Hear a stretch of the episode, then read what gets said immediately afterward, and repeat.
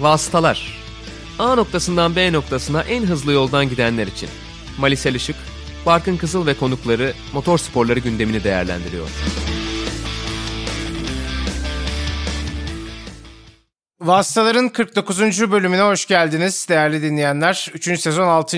bölümümüzde Portekiz Grand Prix'sinin ardından sizlerle birlikteyiz. Bu bölümde ben Barkın Kızıl, Malisel Işık'la beraber yoğun bir gündemi değerlendiriyor olacağız. Elbette gündemimizin ana maddelerinden ilki de Türkiye Grand Prix'si olacak. Mali hoş geldin. Hoş bulduk ama bir dakika önce Türkiye Grand Prix'sine mi ya da Formula 1'e mi bir hoş geldin desek yine? Evet bir kez daha gerçekten de hoş geldin diyoruz elbette Formula 1'e.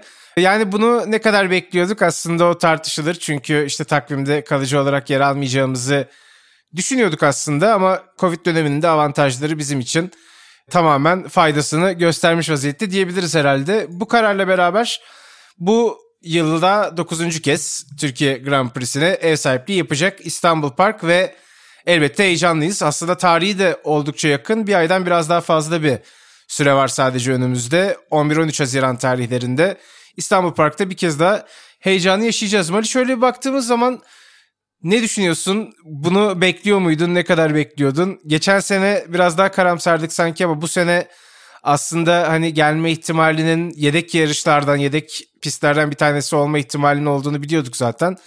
Ve biraz da beklendiği gibi mi oldu yoksa yine sürpriz mi oldu sence? Ya benim geçen seneki stratejim bu arada kesinlikle bilinçli değildi ama yok ya gelmez. Ya niye gelsin ki? Olmaz canım hiç gelmedi şimdiye kadar. Abi gelse şimdiye kadar gelirdi tarzı şeyler söyleyerek zorla ters totem yaparak getirmekti. Bu sene tam tersini yaptık çünkü geçen sene nasıl olabileceğini, hangi şartlarda olabileceğini gördükten sonra biraz daha şey farklı oldu yani. Hani yedek yarışlar gerçekten ön plana çıktı. E tabi Türkiye Grand Prix'si sezonun en flash yarışlarından bir tanesiydi öyle bakıldığında ki belki de birdi ki zaten onu daha önce defalarca burada bahsettik. Yani yedek yarışlar yavaş yavaş ortaya çıkmaya başladığında Imola ile Portimao geldiğinde bir sonraki fırsatın bizde olacağını biliyorduk. E Kanada Grand Prix'si ile ilgili şüpheler ortaya çıkmaya başladığında, belirsizlikler ortaya çıkmaya başladığında hem Kanada Grand Prix'sinin takvimdeki konumu olarak hem de tabii ki bekleme sırasında, yedek sırasında zirvede bizim olmamızla birlikte Kanada Grand Prix'si iptal olursa Grand Prix'nin bize geleceği herhalde %90 %95 belliydi. Çünkü bir önceki yarış Azerbaycan Grand Prix'si, bir sonraki yarış Fransa Grand Prix'si. Yolunuzun üstü yani tabii ki uğrarsınız. Niye uğramayacaksınız? Çok güzel bir yarış geride kalmıştı geçtiğimiz yıl. Üstüne bu sene asfalt tam anlamıyla oturmuş olacak. Takvimin belki de en iyi zemini bizde olacak.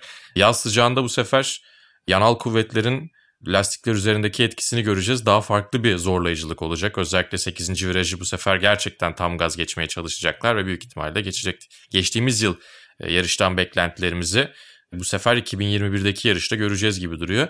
Çok farklı bir yarış olacak tabii 2020'nin yarışına göre bakıldığında.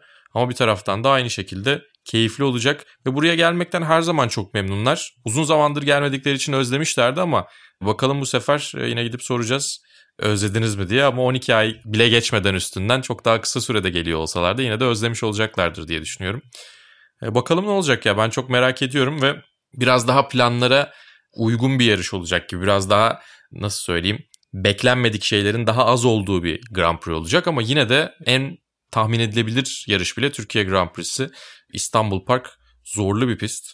E, o yüzden bu sefer daha farklı zorluklar ön plana çıkacak. Ben çok merak ediyorum ve çok keyifli bir yarış olacağını düşünüyorum. Bu sefer de ya kesin gelir diye getirdik. Çağıra çağıra getirdik. E, artık seneye gelmez diye yapacağız. Onu her senede bir değiştireceğiz. Yani bir sene devlet hazırlıyor, bir sene TÜBİTAK hazırlıyor gibiydi ya sınavları. Onun gibi e, taktiği değiştirmemiz gerekiyor. Böyle böyle bir 8-10 sene devam ettirebiliriz. Yani evet her sene gelsin de bizim hani ne söyleyeceğimizin de çok da bir önemi yok aslında. Gerçekten uzun süre boyunca umarız takvimde yerimizi almaya devam ederiz. Senin de dediğin gibi aslında geçtiğimiz yılki asfalt koşullarını göz önünde bulundurduğumuz zaman ki hava da aslında yardımcı olmadı. İşte yarışın daha piste karşı değil sürücülerin birbirine karşı yarıştığı bir hale gelmesi için. Bakalım bu sene nasıl olacak? Muhtemelen bu defa yağmur olmaz diye düşünüyorum. Belki de olur ama hani daha düşük bir ihtimal. Daha iyi şartlar pilotların biraz daha belki doğrudan hani aracı yolda tutmaktan ziyade yarışa kanalize olabileceği bir ortamda daha da belki farklı, belki de daha keyifli bir yarışta olabilir ki geçen sene de hiç keyifsiz değildi gerçekten. Zaten Formula 1 severlerin oylarıyla da en iyi yarışı seçilmişti sezonun. Yani bu noktada şöyle de bir şey var Mali aslında. Sadece takımların ve sürücülerin çok sevdiği ya da heyecan duyduğu bir pist değil burası. Yani dünya çapındaki bütün Formula 1 severlerin merakla beklediği, takvimde görmek istediği yerlerden bir tanesi. O yüzden belki de iki sene üst üste burada yer alması işte anlaşma şartlarında da farklı bir zemin oluşturabilir. Zaten yarış takvimini daha kalabalık kılmak istiyorlar ki Zac Brown gibi isimlerin buna itirazı da var bu arada. Onu da söyleyelim ama eğer bir karar alınıyorsa o karar yani daha doğrusu bir karar alınmaya niyetleniliyorsa o karar genelde de alınabiliyor. İşte birazdan sprint formatını da konuşacağız. O kalabalıklaşan takviminde belki Türkiye Grand Prix'sinin devamlılığı için bir etkisi olabilir diye düşünüyorum ben açıkçası. Bu arada Zac Brown'da söylediğin şey yani Zac Brown'un takvimin kalabalıklaşmasına işte 25 yarışa gitmek istiyor ya şimdi Liberty. 25 yarışa gitmeyelim ama bazı yarışlar kendi içerisinde dönsün. Dönüşümlü olsun bazı yarışlar diyor. Bazı Grand Prix'ler diyor. Bu bize yarayabilecek bir şey aslında Zac Brown'un söylediği. 25 yarış gerçekten çok fazla çünkü her sene 25 yarış yapmak yani sadece tamam televizyon gelirleri olarak güzel ama diğer her şey için herhalde kötü ya. O yüzden yani şu anki bu sene 23 yarışın tamamını yapsalar dahi birazcık fazla olacak gibi duruyor. 20-21 yarışa bu işi döndürüp bazı yarışlarında birkaç senede bir dönüşümlü olarak yapılması bence Türkiye Grand Prix'sini potaya uzun vadeli de sokabilir. O yüzden ben Zac Brown'un açıklamalarını biraz gülümseyerek dinledim. Hoşuma gitti. Biraz bize doğru çalışmış aslında. Yani onun söylediği şeyi dinlerlerse biraz İstanbul Park'ın Türkiye Grand Prix'sinin takvimde daha uzun süreler görülme şansı artıyor gibi bence. Yani umuyorum ki zaten şöyle olur. Önce geçici yarışların arasına gireriz. Sonra kalıcı yarışların arasına gireriz.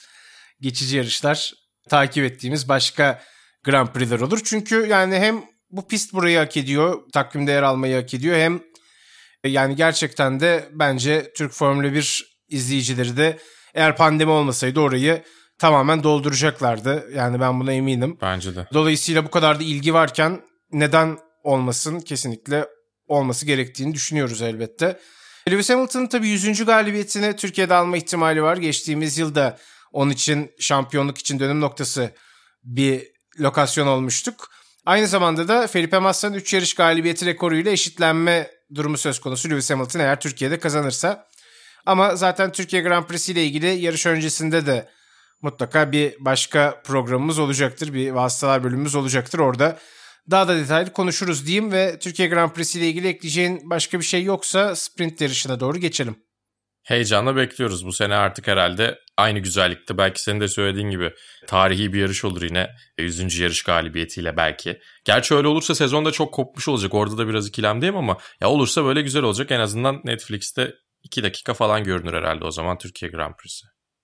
Evet yani editoryal kararları kendilerine bırakıyoruz. Eğer bu şekilde karar vermeye devam ederlerse de önümüzdeki sezon Drive to Survive bölümü yapmayız biz de yani bu şekilde.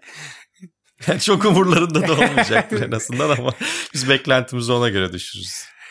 Peki o zaman geçelim sprint yarışı formatına. Hafta sonunda bir değişiklik gelmesi öngörülüyor. Daha doğrusu kesinleşmiş vaziyette kararı kılındı. Silverstone, Monza ve Avrupa takviminde olmayan bir yarış hafta sonunda artık hafta sonu formatımızın daha farklı bir şekildeki uygulamasını göreceğiz. Bu sezonla beraber 3 yarışla başlıyor. Belki bu 3 yarışa sayısı arttırılabilir. Belki bütün yarışlara yayılabilir. Belki geri alınabilir. Hiç yayılmayabilir. Tabii ne kadar başarılı olacağına bağlı olarak. Birçok da tartışmayı beraberinde getirdi. Sprint yarış formatı ya da sıralama yarışı formatı da diyebiliriz belki. Öncelikle cuma günü antrenman seansı duruyor aslında. Ama sonrasında sıralama yarışı için bir sıralama seansı var. Q1, Q2, Q3 olduğu gibi devam ediyor. Sonrasında cumartesi günü yine bir başka antrenman ve ardından 100 kilometrelik yarış. O yarışın sonucuna göre de Grand Prix'nin gridi belirleniyor. Bu noktada da tabii konuşacağız zaten ama bilmiyorum bence bir enteresan durumlar söz konusu olabilir. Çünkü yarış içinde kazalar olursa eğer o zaman işte grid hmm. bazı taklalar atabilir. Favoriler gerilerde olabilir. Zaten birazdan bahsederiz. Şöyle formatı hatırlatmaya devam edeyim. Pazar günü de Grand Prix var. Yani bu formata şöyle bir baktığın zaman senin için nasıl gözüküyor? İlk izlenimin neler? Çok memnun değilsin gibi hissediyorum. Ama hani artıları eksileri nasıl olur? Biraz da enine boyuna konuşalım beraber. Evet yani Grand Prix'nin geleneksel değerini azaltmadan ürünün ve yani bu ürün sonuçta ne olursa olsun bir entertainment olarak da bakmak gerekiyor. Liberty Media o konuda olumlu adımlar atıyor. Ee, ama bir taraftan Grand Prix'nin yani pazar günkü yarışın değerini azaltabilecek birkaç şey var gibi duruyor. Onlardan bir tanesi bir başka yarış olması. Damalı Bayram Formula 1'de en azından hafta sonunda yani bir yarış sonu olarak, seans sonu olarak değil ama yarış sonu olarak bir kere sallanması ve bir yarış galibi olması gerektiğini düşünüyorum ben. Sıralama yarışı alt serilerde veya farklı yarış serilerindeki formatlarda işe yarayabilen veya işte sprint yarışı olarak da illa sıralamayı belirlemek zorunda değil ama bir hafta sonunda birden fazla yarış olması işleyen bir format ama Formula 1 koruması gereken miraslardan bir tanesini biraz daha hafta sonunu heyecanlandırmak adına geri planda bırakıyor mu? Bence düşünülmesi gereken şeylerden bir tanesi bu. Bir olumlu taraf söyleyelim bir de. Bunu deniyor olmaları bir 2-3 yarışta bakalım olmazsa hiç denemeyiz diyor olmaları çok iyi bir yaklaşım. Böyle şeyleri deneyebilmek önemli tabii ki. Bunu 2022'de getiriyoruz ve bütün yarışlarda uygulayacağız deyip 3 yarış sonra ya bu kötüymüş demektense bu sene birazcık deniyorlar. Ki bence böyle bir değişikliğin peşindeyseniz, böyle bir değişikliğin nasıl bir etki yaratacağını görmek istiyorsanız 3 e, yarışta deneme yapıyor olmak fena değil ama yine de şampiyonluğu, şampiyonayı değiştirebilecek bir şey olabilir. O açıdan da ilginç olur. Yani puan verilici olacak tabii ki. İlk 3 sıradaki pilotlar takımlar ve pilotlar şampiyonasına puan alacaklar. Gördük zaten birazdan konuşacağız. Portimao'da bir puanın bile peşine düşüldüğü oldu yarışın son bölümünde en hızlı turda. O yüzden ilginç olacak diye düşünüyorum. Olumsuz taraflarından bir tanesi yine hafta sonunun heyecanlı anlarından bir tanesi aslında. Çünkü ki hatırlayacaksın daha önce 2016'nın ilk yarışında e, saçma sapan bir sıralama formatı getirmeye çalışmışlar. Sonrasında tarihin derinliklerine gömülmüştü. Yani işleyen bir şey ve asla bozulmaması gereken bir şey Q1, Q2, Q3 formatı. E, Cuma günü yapılıyor ve insanlar işinde gücünde olacaklar. Cuma günü nasıl izleyecekler onu? Hafta sonunun heyecanlı anlarından bir tanesini kaçırmış olacaklar biraz. Çünkü Cuma antrenmanlarının aksiyonu bir tık daha azdır sonuçta. Daha farklı bir amacı var. Şunu da söyleyeyim Ali, senin az önce verdiğin örnekle en çok kıyaslanıyor. Yani başarısız sıralama formatının getirilmesiyle çok fazla kıyaslanıyor bu durum. Onu da söylemek lazım. Daha önce çünkü hani kötü bir örnek olunca... O kadar kötü önümüzde... değil bence ama ya. Ya evet belki o kadar kötü değil ama insanlar da biraz çekiniyorlar. Yani şöyle bir çekince var. İşleyen düzen niye bozuluyor çekincesi var. Hmm. Evet doğru. E, işleyen düzenin tabii bozulması yani her zaman bence hani söz konusu olan bir şey değil. Belki gerçekten de bir ilerleme daha iyiye gidiş de çıkartılabilir bu noktadan ama işte çareleri bu mu? Örneğin istersen diğer detaylarından da biraz konuşalım. 3-2-1 puan favorilere doğrudan yarayacak ama zaten sadece şampiyonluk mücadelesi için anlamı olacak gibi gözüküyor. Yani şu anda çok bariz bir şekilde Hamilton, Verstappen, Bottas üçlüsü daha çok podyum için iddialı gözüküyorlar. Evet işte Lando Norris podyuma çıkıyor ya da Sergio Perez podyum Perez, kovalıyor. Perez de ısınacak evet. İşte bazen Ferrari'ler şans bulabiliyor. Ricardo'yu dahil edebiliriz. Belki Alpine'den bir şeyler görebiliriz ama hani genel olarak zaten Hamilton ve Verstappen hatta ben üçüncü ismi de çok dahil etmek istemiyorum. Onların arasında hangisi 3 puan alacak hangisi 2 puan alacak gibi bir durum söz konusu olabilir gibi geliyor bana. Bilmiyorum sen ne dersin? Eh, evet yani o puanın kimseye yarayacağını ben de düşünmüyorum. Çünkü ters grid uygulaması diye bir şey yok sıralamanın en hızlısı. Yani haftanın aslında pist üstündeki tek turda en hızlı aracı sıralama yarışına birinci cepten başlayacak. Ya bir ters grid olsa tabii bu sefer de e abi o zaman bu adamlar niye hızlı olmaya çabalıyor diyecekler. Ters grid olmazdı zaten. Niye ol- olmuyor demiyorum ama e öyle olduğu için kazananla yani daha doğrusu zirveyle diğerlerinin arasındaki puan farkının açılmasına küçük de olsa katkıda bulunacak. Herhalde en çok etkileyecek şeylerden bir tanesi park fermi olacak değil mi Barkın? istiyorsan bir de onu söyleyelim. Evet, cuma günkü sıralama turlarından sonra otomobiller park fermeye alınacak. Yani otomobil üstünde oynama yapılamayacak demek lazım. Köklü değişiklikler Köklü değişiklikler yapılamayacak. Aynen çok basit değişiklikler yapılabilecek. Yani bu da şöyle bir problemi beraberinde getiriyor. Aslında antrenman seansları tamamen o ayarları yakalayabilmek için gerçekleşiyor ve işte cuma günkü sadece 60 dakikalık antrenman burada belirleyici olacak. Aslında buna baktığımız zaman hani neredeyse fabrikadan aracın piste göre düşünülüp getirildiği ayara göre bir uygulama geliyor gibi. Hani öyle o seçilen ayarda devam ediliyor gibi bir durum ortaya çıkıyor enteresan bir şekilde.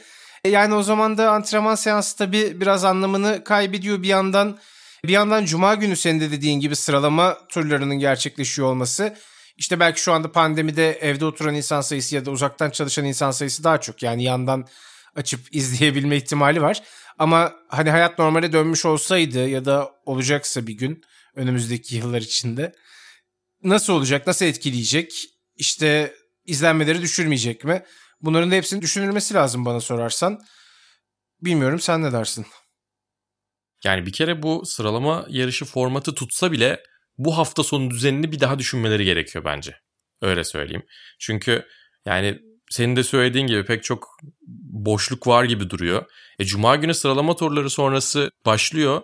E, ikinci antrenmanlar 60 dakika ki bu sene zaten antrenmanlar yarımşar saat azaltıldı. Pist üstünde geçirilen, ayar yapmak için geçirilen vakit zaten az. E, üzerine evet biraz daha istisnai kısımlar olacakmış yine ikinci antrenman seansının da alakasız hiç öyle hiçbir şey katmayan bir seans olmaması için özellikle fren ve süspansiyonda biraz daha istisnalar yapılacakmış ama yine de tamamen yeni parçalar deneyemeyecekler sonuçta ve bence biraz cuma gününden itibaren araç geliştirme kısmında hiçbir şey yapılamayacak gibi duruyor. Bir de benim aklıma gelen şeylerden bir tanesi ki bunu zaten FIA yapıyor. Niye yapmıyorlar demiyorum. FIA da yapıyor. İşte Liberty Media Fon birlikte çalışıyorlar zaten. Yani hafta sonunu daha keyifli hale getirmekten ziyade daha doğrusu Grand Prix yarışlarının yani yarışın kendisinin o hafta sonu ana yarışının ki bak ne kadar ayırt etmek zorunda kalıyoruz ki bence bu benim için bir problem. Grand Prix'nin daha heyecanlı hale getirilmesi için zaten çaba sarf ediliyor. 2022'de bu probleme daha doğrusu hafta sonunu keyif, daha keyifli hale getirme gibi bir problem ellerinde olmayabilir. Nefis yarışlar izlersek ya bunun biraz daha kısası olsun işte pit stop zorunluluğu olmasın ya da ne bileyim işte 3'te 1 mesafede olacak 100 kilometrelik yarıştan bahsederken normalde 300 ila 310 Monaco Grand Prix hariç yarış mesafesi. Ya böyle bir daha kısa bir yarışa ihtiyaç olmayabilir. 2022'de zaten bu problem çözülecek gibi. Problemin zaten en derinine, en temeline inerek e, onu halletmeye çalışıyorlar. O yüzden yani çok 2021'de bu problemi de çözmek zorundalar mıydı? Biraz onu düşünüyorum. 2022'de belki şey yapabilirler. İlk birkaç yarış istedikleri kompetitifliği yakalayamazlarsa 2021'de denedikleri yani bu yıl deneyecekleri sıralama formatını, sıralama yarış formatını 2022'ye entegre edebilirler. Sezon başlamadan bunun kararını 2022 için ben vermeyeceklerini düşünüyorum. Verirlerse de biraz garip olur sanki. Ya bir de sıralama yarışıyla ilgili bence şöyle de bir çekince olabilir. İşte az önce kurallardan bahsederken de söylemiştim. Yani orada yapılacak bir kaza bir yarış dışı doğrudan işte örneğin yarış favorisi bir isim Lewis Hamilton'dan örnek verelim. Lewis Hamilton ve Max Verstappen çarpıştılar.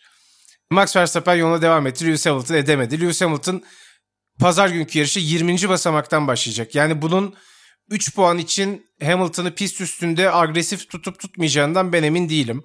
Hmm.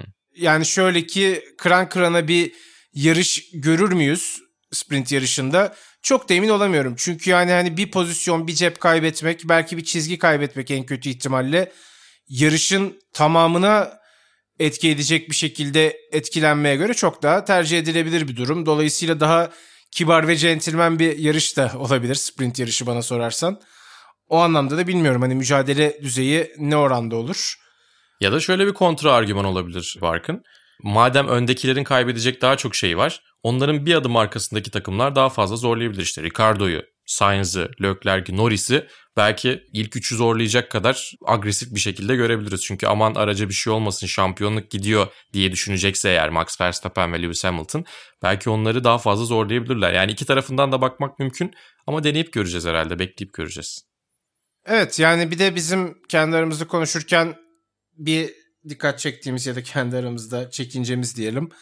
Pazar günkü yarışın önemini kaybetmemesi gerek diye. Hafta sonunun yıldızının pazar günkü yarış olması gerek diye. Yani dolayısıyla bilmiyoruz. Bakalım nasıl olacak. Aslında Silverstone'dan sonra belki tekrar bu dosyayı da açarız diye düşünüyorum. Tabii bakmak lazım. Evet bakalım nasıl olacak diyelim ve Portekiz Grand Prix'sine geçelim artık. Tek düze bir yarış oldu diyebiliriz. Aslında hani taktik savaşları biraz daha yarış heyecanlarla getirdi. Pist üstü mücadelelerden ziyade işte lastik tercihleriyle, lastiklerle gidilen mesafe tercihleriyle, son bölümdeki en hızlı tur savaşlarıyla nispeten daha fazla öne çıkan bir yarış oldu. Pist üstünde çok da kıran kırana bir yarış seyretmedik. Evet yakın takipler vardı özellikle Hamilton, Verstappen, Bottas üçlüsü arasında. Ama ona rağmen hani öyle çok çok bizleri heyecanlandıran yarışlar izledikten sonra da bana göre çok da tatlı tuzlu bir yarış gibi gelmedi. Startta Carlos Sainz'ın iyi başlangıcı vardı. Sonrasında hemen Raikkonen'in kazası geldi zaten.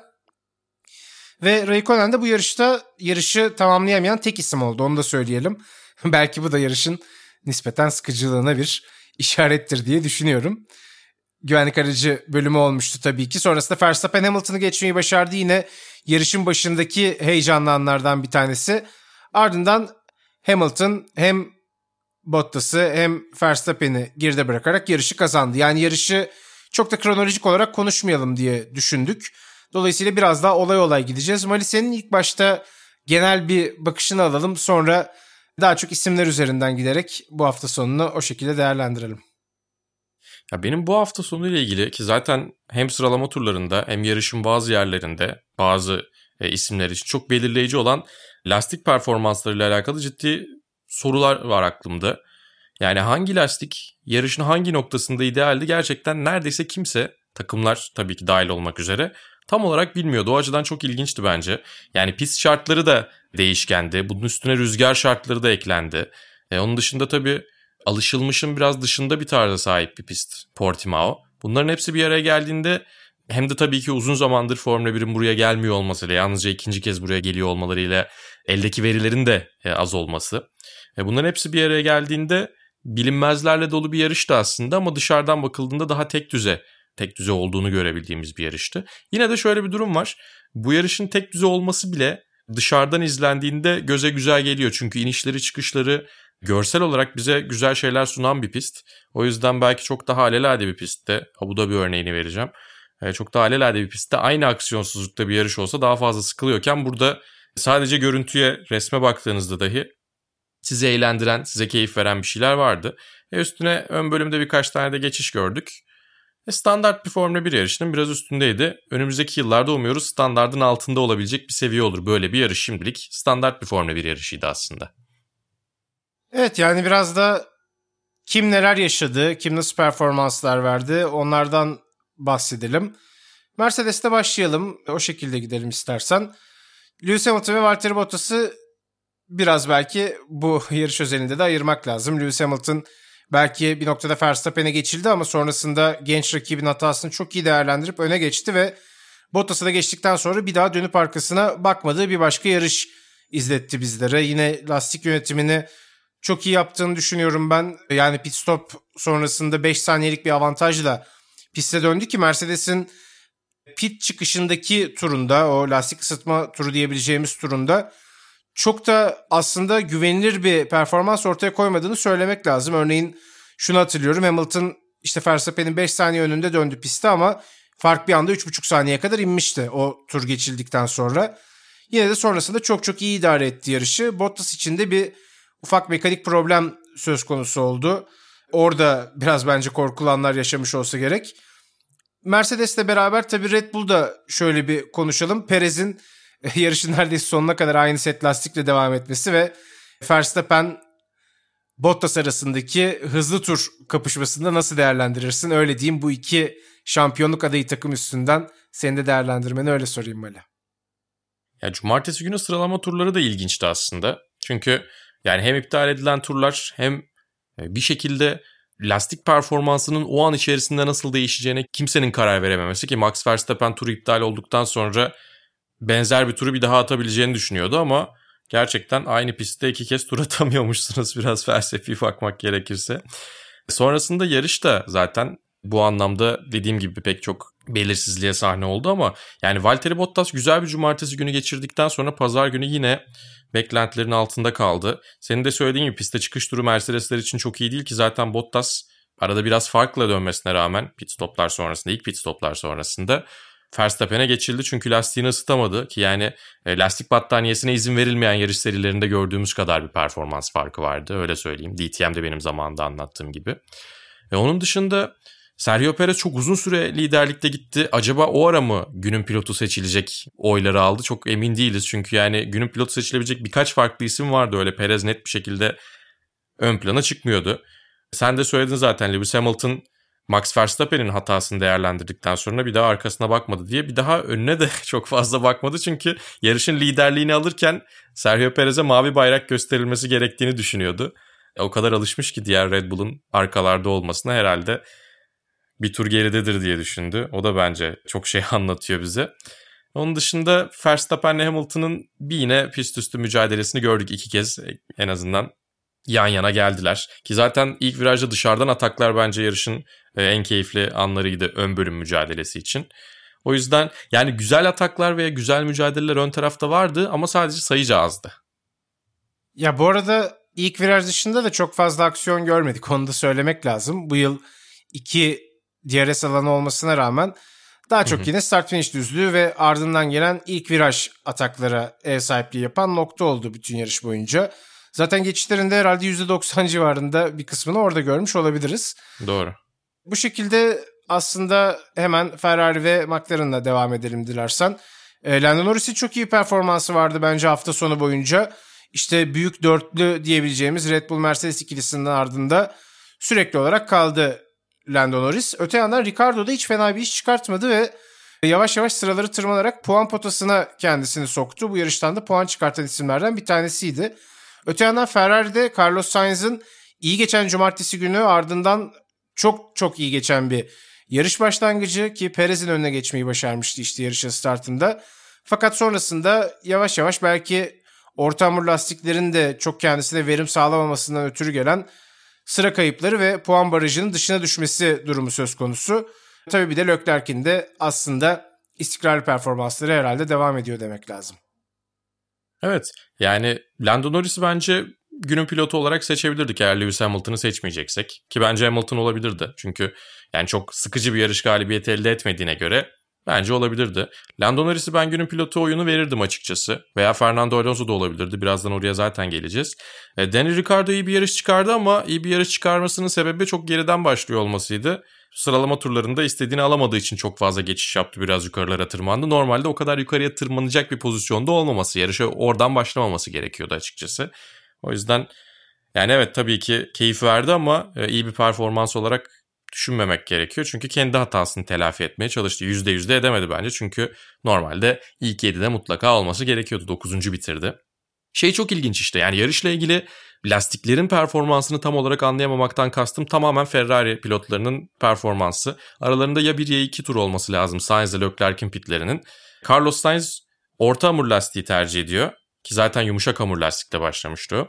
Orta hamur lastiği tercih ediyor. Charles Leclerc orta hamurdan sert hamura geçiyor yine yanlış hatırlamıyorsam. Evet öyleydi Ve bu arada. Performanslar birbirinden çok farklı. Bu arada pistin yani aşağı yukarı yarışın benzer noktalarında George Russell diyor ki ya bu sert hamur lastiklerle asla biz bir şey yapamıyoruz diyor. Yol tutuş hiç yok diyor. Yani araçtan araca da çok fark etti. Yarışın aynı bölümünde ve belki birkaç tur önce birkaç tur sonrasında da fark ettiği oldu. Yani lastik stratejisi zaten biraz üstüne mesai harcamanız gereken ya da anlamak için hakikaten çaba sarf etmeniz gereken benim de genellikle zorlandığım şeylerden bir tanesi doğrusu çok net olduğu zaman daha rahat takip edilebiliyor. Ama bu yarışta takımlar dahi e, o doğru tercih yapmakta zorlandılar diyorum yani çok az vakit vardı. Belki bir tur belki iki tur vardı Sainz'la Leclerc'in pitleri arasında ve bambaşka yönlere doğru gitti ikisinin yarışı. O açıdan biraz strateji anlamında en azından ilginç bir yarış oldu. Ama Charles Leclerc yine istikrarlı bir şekilde Ferrari'ye güzel puanlar aldırmaya devam ediyor. Carlos Sainz da zannediyorum hani en azından ideal lastikleri bulabilseydi herhalde 7-8 civarında olabilirdi. O da çünkü takım değiştiren pilotlar arasında en iyi adaptifliği sağlayan, daha doğrusu en iyi uyum sağlayan şimdilik pilotlardan biri. Yani bu yarış onun için ideal bir sonuç değildi belki ama Ferrari için 2020'den bu yana çok şey değişti olumlu anlamda. Evet yani en azından çok aktif bir şekilde şampiyon üçüncülüğü için mücadele halindeler. McLaren'la özellikle. Bununla beraber Alpine geçelim. Hafta sonunun bence kendi beklentisi oranında ya da şu ana kadar bize gösterdikleri oranında en yüksek performansını veren takım Alpine'di diyebiliriz. Özellikle Esteban Ocon'un istikrarlı performansı Fernando Alonso'nun da yarış içinde bize gösterdikleriyle beraber 7 ve 8. sırayı aldı onlar. Esteban Ocon'la ilgili bence güzel şeyler söyleyebiliriz. Çünkü bu sezon hakikaten iyi performans gösteriyor. Fernando Alonso'nun evet belki bir alışma süreci söz konusu ama üst üste Bir başka yarışta da yine Fernando Alonso'nun önünde yarışı tamamlamayı başardı. 7. sırada hiç fena bir sonuç değil. Norris ve Leclerc'in arkasında kaldı sadece. Onlar için gerçekçi hedefler kapsamında konuştuğumuz zaman. E, Alonso da bildiğimiz gibi zaten. Sen ne dersin Alpine'le ilgili? Ya bu yarışta bence en çok konuşmaya değer takımlardan bir tanesi zaten Alpine'di. Çünkü orta sıra mücadelesinin biraz uzağında kalmış gibi duruyordu onlar Aston Martin'le birlikte. E, Aston Martin biraz yalnız kaldı. Onlar tabii Mercedes'in yaşadığı problemleri onun benzeri bir araçla yaşıyorlar ve onları çözme konusunda da biraz daha yavaş kalacaklar gibi. O yüzden onların orta sıraya katılmasını ben çok isterim. Ama bir süre daha sanki onlar orta sıranın gerisinde kalacaklar gibi, orta sıranın sonunda olacaklar gibi en azından. Alpine kaç yarış geride kaldıktan sonra bu problemi çözdü gibi. Tabii ki yarış yarış fark edecektir ama geçtiğimiz yılki gibi en azından orta sıra takımlarının geri kalanların en iyisi olma konusunda eşit iddialara sahip olacağını görebiliriz. Geçen seneki Ferrari yerine Aston Martin var diyebiliriz hatta. Güç dengeleri şimdilik öyle oturmuş gibi. Ve Alpine'i önde görmek çok güzel bence. Esteban Ocon'u Fernando Alonso'yu mağlup ederken görmek oldukça ilginç ve takdir etmek de gerekiyor. Fernando Alonso tek tur performansı ile ilgili hala geliştirmesi gereken çok şey olduğundan bahsetti. Ve sıralama turlarını çözerse tabii ki çok daha tehlikeli bir pilot olacak. O da sezon ortasından sonra e, her şeyi tam olarak oturtacaktır diye düşünüyorum. Güzel yarışlar onları bekliyor gibi ama mutlaka yine istikrarsızlıklar olacaktır. Her yarışta bu yarıştaki kadar iyi olmayacaklardır. Ama orta sıra mücadelesinin böyle bir devinim içerisinde olması beni mutlu ediyor, heyecanlandırıyor. Onların da senin dediğin gibi en büyük rakipleri Alfa Tauri, Alfa Romeo ve Aston Martin olacak. E, bu takımları da hemen değerlendirelim elbette. Pierre Gasly aslında yine bence standart bir hafta sonu geçirdi. 10. sıra yine puan çıkartmayı başardı. Gerçekten çok iyi işler ortaya koyduğunu düşünüyorum. Ben özellikle hani Sunoda'nın ilk yarışta bize gösterdiği çok iyi başlangıcın ardından bu bölümde biraz daha hani eleştirmek de istemiyorum tabii ki. Çok çok yeni sonuçta her şey onun için. Ama biraz daha Gasly'nin arkasında gözüktüğünü biliyoruz. Dolayısıyla belki Alfa Tauri aracının gerçek performansını çok da rahat bir şekilde değerlendirmek mümkün değil. İşte Gazi üzerinden okursak puan potasında evet oluyorlar ama Sonoda özelinde bakarsak işte Aston Martin'lerin arkasına da düşebildiklerini görüyoruz. Bu takımla ilgili yorum yapmak bence zor ama ne olursa olsun Pierre Gasly'nin bana sorarsan bu araçtan %100'ünü aldığını her zaman ben düşünüyorum. Bilmiyorum sen ne dersin? Evet yani önemli puanlar almaları gereken ve fırsat nereden gelirse onu değerlendirmeleri gereken zamanlarda Yuki Tsunoda bu sezon ön plana çıkmayacak. Çünkü senin de söylediğin gibi çaylak pilot alışma süreci olacak. Ama güvenebilecekleri biraz daha sırtlarını yaslayabilecekleri pilot olarak Pierre Gasly var. E, ama tabii önümüzdeki yıl Alfa Tauri'de kalacak mı, başka yerlere göz kırpacak mı bunların hepsini düşünmek gerekiyor sezon sonuna doğru böyle pilot piyasası hareketlendikten sonra. Ama şu an Alfa Tauri'nin tam olarak ihtiyacı olan isim Pierre Gasly. Hatta tam olarak ihtiyacı olan ikili bile diyebiliriz. Çünkü Yuki Tsunoda da bir dinamizm getiriyor neticede. Ve öğrendikten sonra biraz istikrarlı olabilmeyi gördükten sonra o da iyi işler yapacaktır. Onlar için bence işler yolunda. Alfa Romeo için de bence işler yolunda bu arada. İşte bu Giovinazzi, yarış özelinde değil tabii ama. Evet ama bu yarışta da Giovinazzi 12. sırayı aldı. Bu çok kabul edilebilir bir pozisyon Alfa Romeo için. Çünkü hani onları hmm. Haas'lar ve Williams'larla beraber mi değerlendirmek lazım gibi bir noktaya doğru ilerlemişlerdi geçtiğimiz yıl. E bence bu yıl oradan kurtuldular. Bence bu yıl oradan artık bir üst seviyeye hatta Williams için de belki aynısını söyleyebiliriz. Haas'ı biraz yalnız bile bırakmış olabilirler bilmiyorum. Williams biraz daha arada gözüküyor ama Alfa Romeo en azından bence arada sırada puan çıkartabilecek ve şampiyonayı kesinlikle işte son iki basamakta tamamlamayacak bir takım görüntüsü veriyor bana. Yani Raikkonen'i zaten değerlendiremiyoruz. O yüzden sana pas atmadan önce Aston Martin'lerden de bahsedeyim. Şöyle bir genel toparlama yaparsın istersen. Vettel 13, Stroll 14 oldu. İkili çok yakın bir yarış performansı ortaya koydular. Ama ne olursa olsun Aston Martin'in geçtiğimiz yılki Racing Point'i düşünürsek çok ciddi anlamda geriye gittiğini de söylemek lazım ve artık hani yarışlarda ilerledikçe bu durumun gerçekten böyle olduğunu herhalde anlayabiliyoruz. Evet yani sen bisiklet spikeri olarak beni düzeltirsin. Bisiklet dünyasından bir örnek verebiliriz gibi duruyor. Ya kaçış grubu önde gidiyor açıkçası. Etabı da almaya doğru gidiyorlar zaten. Mercedes ve Red Bull'dan bahsediyorum. Ana grupta da ufak ufak denemeler yapan işte McLaren var. Kaçış grubuna yetişir miyim diye arada gidiyorlar sonra tekrar yakalanıyorlar falan. Ama çok net bir grupetto var. O da Haas ve Williams olsa gerek. Evet. Ee, oradan ana gruba katılmayı başaranlardan aslında Alfa Romeo. Bu sefer Aston Martin biraz gerilere düştü. Yani ana grubun önünde değil en azından. Geçtiğimiz yıl mesela gerçekten ana grubun önünü çekiyorlardı onlar. Böyle arada temposunu belirliyorlardı hakikaten çok sürpriz bir şekilde. E, o yüzden biraz öyle bir sıralama oldu diyebiliriz belki. Ya Haas çok kötü. Yani gerçekten çok kötü. Mick Schumacher'ın e, iyi bir performansı vardı tabii ki. Nick Latifi ile mücadele etti onu geçti. Evet Mazepin'in onun arkasında çok ciddi anlamda arkasında kalması. Ekstra bir pit stopla da beraber. Yaklaşık bir dakika arkasında kalması kötü. Ama yani Haas gerçekten çok kötü bir takım. Biz de durup dururken Mazepin'e kafayı takmış gibi her fırsatta eleştirmeyelim ama bu hafta da pek çok hataları oldu hem sıralama turunda hem yarışta. Sıralama turunda Latifi ile yarışta Sergio Perez'le pist üstü problemler yaşadı ki zaten ceza da aldı onunla alakalı. E, Mick Schumacher'in de tadı çok yerinde değildir diye düşünüyorum. Nick Latifi'yi geçip en azından bazı yerlerde aracın mücadele edebileceğini göstermiş olmasına rağmen ama onlara çıkara sonuncular. E Williams da fırsatını bulabildiği yarışlarda iyi işler yapacağını söyledi. Buna zaten her programda neredeyse tekrar ediyoruz. E George Russell sıralama turlarında çok iyi. Belki de fazla iyi o yüzden pazar günleri geriye düşüyor. Bir de üstüne zaten e, Sertamur hiçbir şekilde çalıştıramadı. E, onlar için sürpriz yarışlar olabilir. E, ama ne olacağını göreceğiz yani. Alfa Romeo artık o arka gruptan orta sıraya katıldı diyebiliriz kesinlikle. Evet yani hatta bu yarış bence Williams için sürpriz oldu. Yani onların beklentisi oranında baktığımız zaman eski Williams'ta, geçen seneki Williams'tan ya da önceki seneki Williams'tan bir esinti ortaya koymuş oldular maalesef. Çok iyi geçmedi onlar için.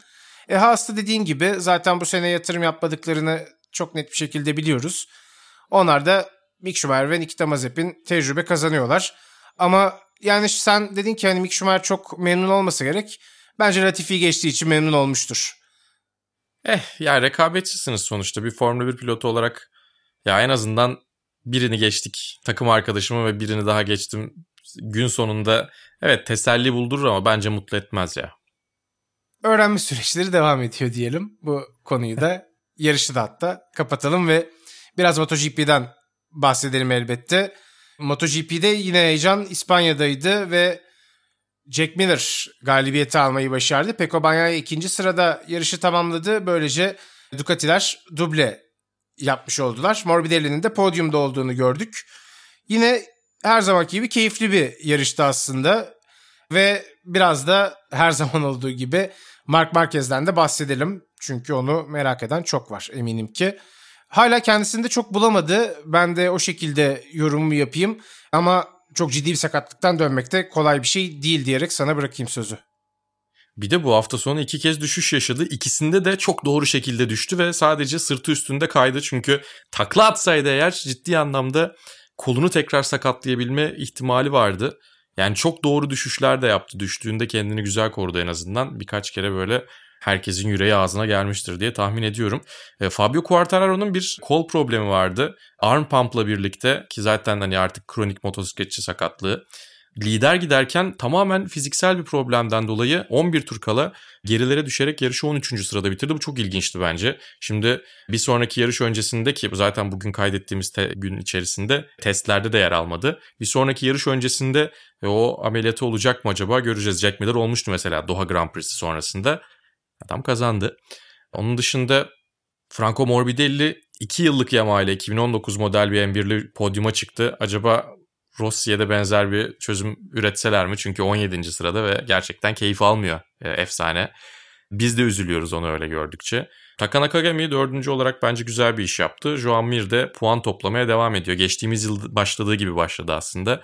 E, sezon ilerledikçe o da hataları değerlendirip tekrar tehlikeli olabilir. Ya zaten keyifle izliyoruz ama açıkçası Peko Banyaya'nın şampiyonluğa liderliğine yükselmiş olması, 2 puan arkasında Quartararo'nun olması, öndeki 5-6 sürücünün yine birbirine şampiyonada çok yakın olması geçtiğimiz yılki kadar keyifli bir umman mücadelesi izleyeceğimizi gösteriyor. Ya bir de işte Quartararo'nun ameliyat kararıyla ilgili öyle bir ikilem var. 2 puanla şampiyonada çünkü Banyaya'yı takip ediyor ve hani o kararı vermek kendisine yarış kaçırtacaksa ya da performans kaybına sebep olacaksa yani zor seçmesi zor durumlardan Ama bir bir tanesi. galibiyet kaybetti zaten işte Herez'de. O yüzden bence hemen yapmalı. Evet belki de böyle düşünür. Belki daha iyi hisseder kendisini ama kararda artık tabii hem kendisine hem kendisinin ekibine kalmış bir durumda diyebiliriz herhalde. Bu sezonun sonuna kadar da MotoGP'de şampiyonluk savaşı çok yakın bir biçimde ilerleyecek gibi gözüküyor. İşte Marquez'in Marquez etkisini gösteremeyeceği gibi bir tabloya doğru belki gidiyor olabiliriz. E, öyle olması da her zaman daha heyecanlı bir hale getiriyor gibi duruyor en azından geçtiğimiz yıldan aldığımız örneğe göre ki belki Marquez de yine bu denklemlere dahil olabilir. Hala sezon çok uzun sonuçta. Onun da arkadan gelerek puan farkını kapatmaya doğru mücadele verdiğini de izleyebiliriz. Bakalım neler olacak diyelim. Moto 3'te Deniz Öncü'nün 10. cepte başladığı yarışta çok iyi performansı vardı. Zaten yarışı da sen anlattın Mali. Müthiş müthiş. Müthişti. Bence potansiyelini en ciddi biçimde ortaya koyduğu yarışlardan bir tanesiydi kariyerindeki. Maalesef sonrasında bir hata son virajda geride kaldı. Hatta Masya ve Binder da bundan etkilendiler. Ama herhalde yarışın en hızlısı da Denizli diyebiliriz. O hatayı Kesinlikle yapmasaydı. diyebiliriz. Yani şöyle söylemek lazım. Ya Deniz gerçekten hepimizi çok heyecanlandırdı zaten. Beni de çok heyecanlandırdı anlatırken ama yani yarışın son bölümünde galibiyet potası içerisinde olmak veya yarışın belli bir bölümünde önde gitmek değil. 10. sırada başladı. Çok güzel bir şekilde liderliğe yükseldi. Ardından yarışı kontrol etti ki arkasında gerçekten çok iyi isimler vardı. Acosta zaten son dönemlerin en acayip kariyer başlangıçlarından birini yaptı. E Masia'ya sene başından beri MotoGP sürücülerine basın toplantısında sorulduğunda Moto3 kim kazanır diye sorulduğunda Masia çok iyi diyorlardı. Bu isimlerin önünde aman vermedi resmen. Yani atak yapıldığında hemen karşı atağını yaptı. Hiçbir şekilde fırsat vermedi ve bu gerçekten şampiyon bir sürücünün ortaya koyduğu sürüş. Evet son virajda belki üçüncülüğe razı olabilirdi. Belki podyumda yer alsa daha iyi olabilir gibi düşünebilirdik. Takım da bazen pit tabelasından ona sakin olması gerektiğini söyledi. Ama ne olursa olsun e, alelade bir şekilde gidip 10. 12. gidip puan toplamaktansa böyle bir yarış çok daha fazla gururlandıracaktır diye tahmin ediyorum. Yani Deniz'in zaten kumaşını Moto3'ü izleyenler biliyorlar. Onun öncesinde de izleyenler biliyorlar aynı zamanda. Red Bull Rookies Cup'tan biliyorlar. Asya Yetenek Kupası'ndan biliyorlar. Bilen zaten biliyor ama dünyaya gösteriyor olması açısından da bence çok güzel. Ya zaten müthiş bir İki tekerde de dört tekerde de harika bir nesil var. Yetişiyor. Yetişmeye devam ediyor. Dört bir koldan başarılar geliyor. Deniz de MotoGP'deki temsilcisi. Umuyoruz ilerleyen zamanlarda Can'da Deniz'de ya Superbike Dünya Şampiyonası'nda ya da MotoGP Dünya Şampiyonası'nda kendilerine güzel bir yer bulacaklar. Çünkü hem o yeteneğe sahipler e, hem de önlere geldikleri zaman çok acayip şeyler yapıyorlar. Yani Deniz'in bu yarıştaki performansı, geçtiğimiz yıl Avusturya'nın ilk yarışındaki performansı, Can'ın zaten hala tarihin en acayip yarışlı galibiyetlerinden bir tanesi olan Valencia zaferi. Bunların hepsi bir araya geldiği zaman bu çocuklarda çok özel şeyler olduğunu görüyorsunuz ve hakikaten gururlanıyorsunuz. Ve Türk motorsporlarının da böyle bir yere gelmiş olması ve diyorum ya çok spesifik yerlerden değil çok e, yoğun bir şekilde ve kalabalık bir şekilde farklı branşlarda farklı disiplinlerde böyle bir başarıya geliniyor olması da beni çok heyecanlandırıyor. Her fırsatta söylüyorum zaten. Ya Deniz bence zaten hiç bu yarışla alakalı üzüntü duymamalı. Çünkü Pedro Acosta da onu yarışın kazananı tebrik etti. Sonrasındaki röportajda Deniz benden hızlıydı dedi. Yani galibiyeti aslında hak eden isimlerden en çok hak eden isim Deniz'di. Ama daha iyi yarışlar gelecek. Yani bu yarış çok iyi bir yarıştı ama çok daha iyi yarışlar gelmeye devam edecek. Podyumlar, galibiyetler gelmeye devam edecek. Ve öyle olduğu için de biz de keyifle izlemeye ve anlatmaya devam edeceğiz. O zaman son bir başlığımızda Dünya Dayanıklılık Şampiyonası başladı. Spa pistinde 6 saatlik mücadeleyle sezon açtık. Bu sezonun önemi şu hiper otomobiller ilk kez Dünya Dayanıklılık Şampiyonası gridinde boy göstermeye başladı ki o da tartışmalı bir konu. Süremizin sonuna gelmesek belki konuşurduk.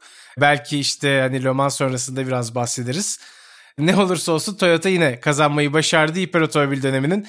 ilk galibiyetini aldılar ve tanıdık bir marka Alpine iki Toyota aracının arasına girerek onlar da podyumda ikinci basamağın sahibi oldu diyelim. Bu şekilde de bir yarışımız vardı. Yani Dünya Dayanıklık Şampiyonası'nın muhteşem değişimi açıkçası ben yeni kurallarla ilgili çok değişen bir şey görmüyorum. Tabii ki markalar geldikçe biraz daha keyifli hale gelecek orası da. Geçtiğimiz yıldan bu yana hiçbir şey neredeyse değişmemiş olması da bu süreci biraz daha geciktirseler daha mı iyiydi diye düşündürüyor. Evet ama adımlar atılıyor. Yeni markaların dahil olmasını bekliyoruz. İşte seriler arasında bir etkileşim olması söz konusu olacak. Sonrasında hidrojen teknolojisi ile ilgili gelişmeler söz konusu olacak. Bakalım daha neler neler olacak diyelim. Dünya Dayanıklık Şampiyonası'nda da o şekilde de değinmiş olarak programımızı, bölümümüzü yavaş yavaş kapatalım. Vasıtaların 49. bölümünde ben Barkın Kızıl, Malis Erişik'le beraber sizlerle birlikteydik. Önümüzdeki hafta İspanya Grand Prix'sinin Barcelona yarışının ardından tekrar görüşmek dileğiyle. Hoşçakalın. Hoşçakalın.